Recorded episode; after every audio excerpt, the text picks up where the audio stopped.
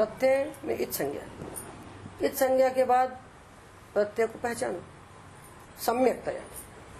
आन बचा इत संज्ञा पे कैसा प्रत्यय है? कैसा प्रत्यय? है कृत। कृत है। और क्या है? कैसा कैसा है कृत? कैसा है? सार्वधातुक कैसा सार्वधातुक है? कैसा? कैसा सार्वधातुक अपित। अपित। कैसा अपित? आज़ादी। जब तक यहाँ तक नहीं पहुंचोगी। इसलिए मैं पहले पेज में चार्ट बनाया चार्ट को देखो। कैसा प्रत्यय है? कृत। कैसा कृत है? सावधातु। कैसा सावधातुक आज़ादी। कैसा आज़ादी? कैसा सावधातुक अपित।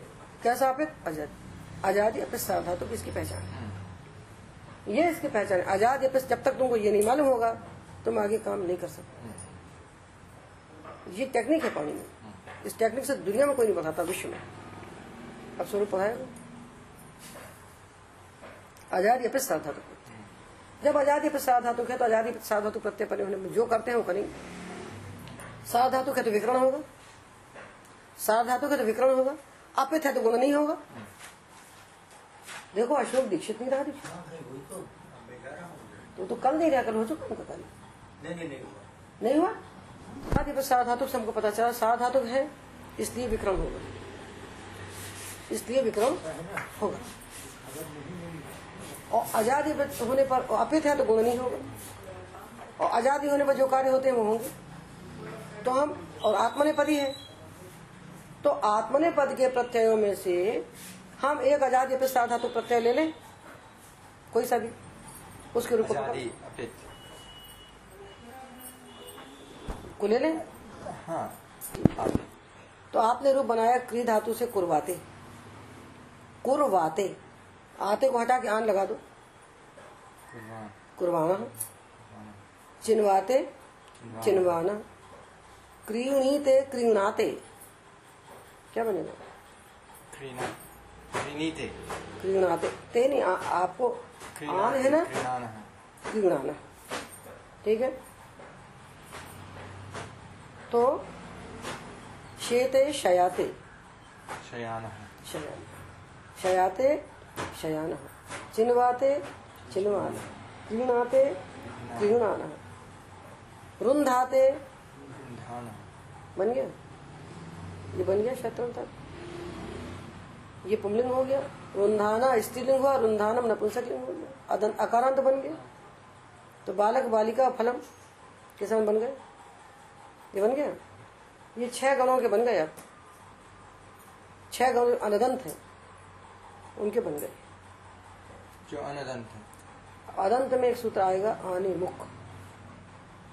आने मुख। अनदंत बन गई छह गण हमने जो विभाजन किया है ना एकदम पाणिनि के समान विभाजन किया ये विभाजन किसी ने किया? ऐसा नहीं करोगे तो आपको सब नहीं आएगा। दो हिस्से हैं अदंत और अनदंत। इसको लेकर आप चलिए। ये पाणिनि के बनाए हुए इससे। तो अनदंत में हमने आते को लिया। आते को लिया, आते को हटाया, आन को जोड़ा। तो रुंधाते रुंधाना, शयाते शयाना, क्रीणाते क्रीणाना चिन्वाते चिन्वाना ये बन गए छह गुण। किंतु चार गुण अदंत है। उनमें सूत्र आता है आनी मुख। यदि अदंत अंग है और आन प्रत्यय परे तो मुख का आगम हो। जाता तो मुख का आगम हुआ तो आन का बन गया मान। अब ये आज़ादी नहीं रहेगी। अब क्या हो गया ये? आज़ादी हो।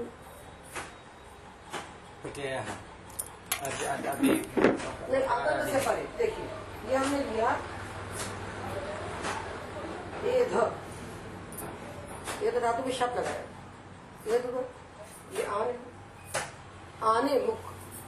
इसके पहले अदंतात आने मुख का अर्थ है आने मुख का अर्थ है अतो।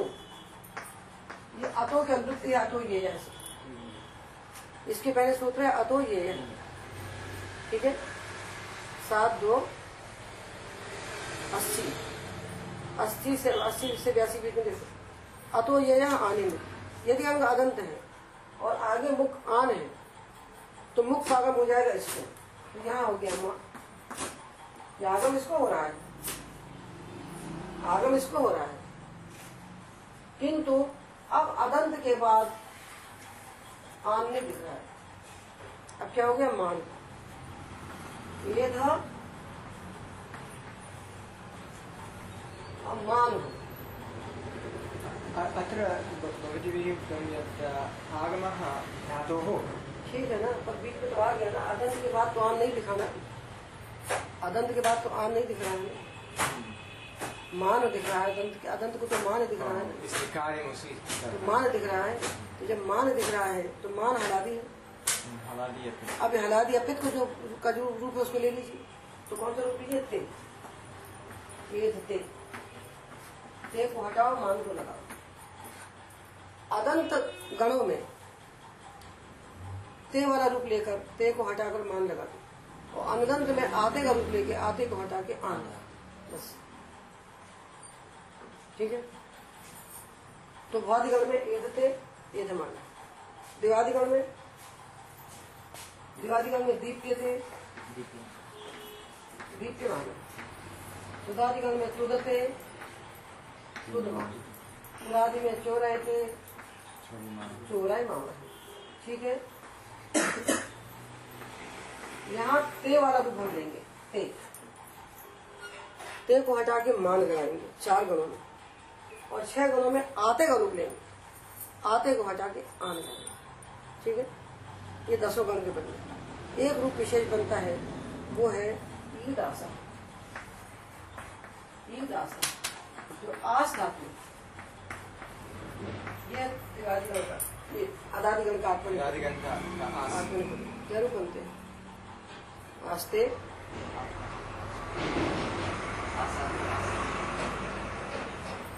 आस्ते आसाते आस्ते। आसते आस्ते आसाते आसते। ते आते अते आते आते। अते आस्ते आसाते आसते कुछ हो ही नहीं रहा। तो यहाँ हमने जब दिया आस और आते। तो आते हटा के आन जब हमने लगाया। तो यहाँ क्या हो जाता है? इसको आ को ई हो जाता है। आसीना एक इसका अपवाद हो। गया आपका शानस एक एव वाक्यं। हो।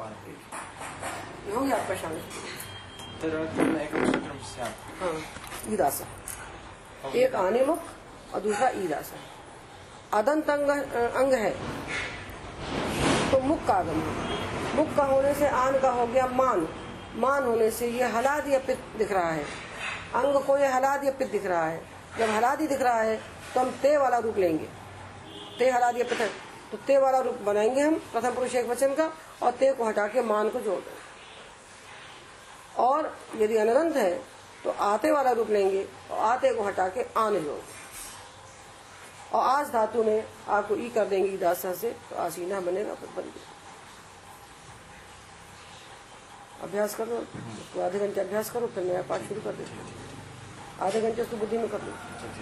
है। ये समझ रहा है पूरा इसके साथ अभ्यास करो वो ऐसे बने बाकी जो पते मतलब सावधातुक और है। सावधातुक, हाँ चानस शानन खाशा ए शब्दे शब्दे। तो चानस जो है ऐसे बनेगा। बिल्कुल ऐसी जैसा आन बना है। किंतु शानस और चानस में ये भेद है। क्या भेद है शानस चानस में?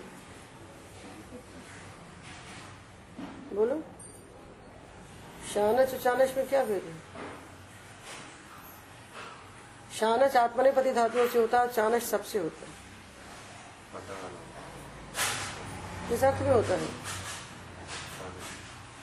तच्छील वयोवचनेशु तच्छील वयोवचन तच्छीला देखो, निकालो चानस तच्छील है ना, ऐसा करना जिसका स्वभाव है। ऐसा करना जिसका स्वभाव है। इस अर्थ में चानस होता है। वो सब धातुओं से हो जाता और वो लकार एक बात सुन लो। एक तो सबसे होता है। दूसरा, ये लकार प्रत्यय नहीं। शक्तिशानक लकार के स्थान में होते और ये लकार के स्थान पर नहीं होता। ठीक है? लकार के स्थान पर नहीं होता। शत्रु- को छोड़कर अन्ये प्रत्यय अपरेषां प्रत्यय हैं प्रयोगः भवति वा? कुत्रचित् हाँ श्रूयते सर्वेक्षां वा प्रयोग भवति किमर्थं न भवति? मया न कदापि श्रुतं न न श्रुतं त्वया न श्रुतम् अनेन नास्ति एवं न भवति। न न नास्ति किल? मया अस्मिन् जगत् किमपि न अस्ति इति प्रश्नः। मया अस्मिन् जगत् किमपि न दृष्टं सर्वम् अस्ति। सबकी सीमाएँ होती है हर आदमी थोड़ा थोड़ा जानता है सब तो कोई भी नहीं जानता। सर्वज्ञ केवल भगवान है। सर्वज्ञ भगवान है। और जीव जितने हैं सब अल्पज्ञ सर्वे जीवा अल्पज्ञ है।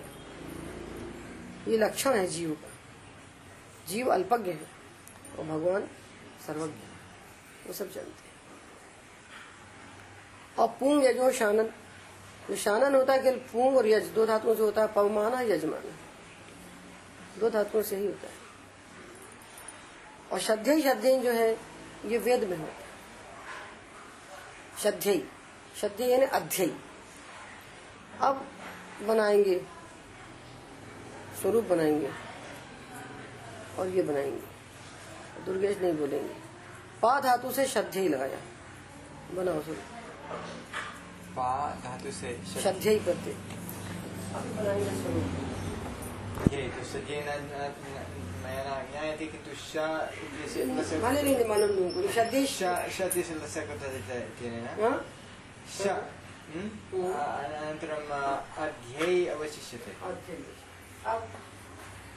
पा अध्यै। अध्यै अध्यै इति आ, अजादि अपि आज़ादी अपनी अपि हा अध्यै। पूरा बोलो आज़ादी जब तक हाँ। ये डायग्नोसिस है। जैसे आप डॉक्टर हो ना पहले डायग्नोसिस करते बिना डायग्नोसिस के ट्रीटमेंट नहीं होता। अजादि अपि सविधातुकः अतः हाँ। अकर्तरि शब्द विहितः शब्द अब शब्द पा अ। अब क्या पा अ अनन्तरम् अ, अतुगुणे। भवती। फेल हो ना? पा- क्यों? पा रात पा धातु पे आदेश होता है? क्षिति पर। था हाँ। पिबती कैसे बनाते हो? पा को पिब होता है? हाँ। कदा? क्षिति अयम शीत। शप परे शप प्रत्यय परे पा धातु पे भवती?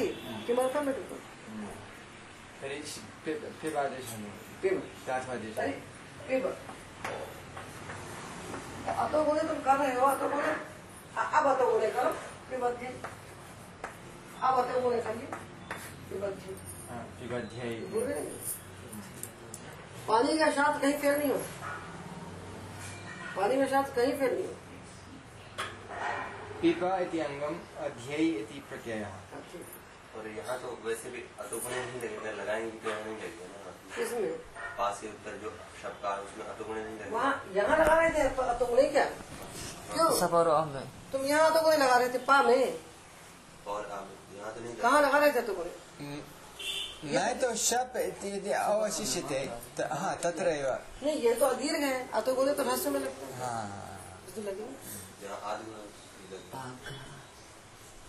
हो गया अपने आप बनता है ये पर प्रत्यय को सही पहचानिए जैसे जो डॉक्टर सही डायग्नोसिस करता है वही सही ट्रीटमेंट कर सकता है डायग्नोसिस गलत है ट्रीटमेंट गलत है तो ये आपका डायग्नोसिस संज्ञा करिए और प्रत्यय को पहचानिए ये क्रम संज्ञा करिए तत्काल प्रत्यय को पहचानिए। आपने संज्ञा की अब आपको दिखा आज़ादी अपने साव धातु प्रत्यय। साव धातु के तो शप आ शप पुनः साव धातु। शीत है। शीत है तो पाको पे हो गया। शिथे तो पाक और ये पिप अदंत होता है हमेशा।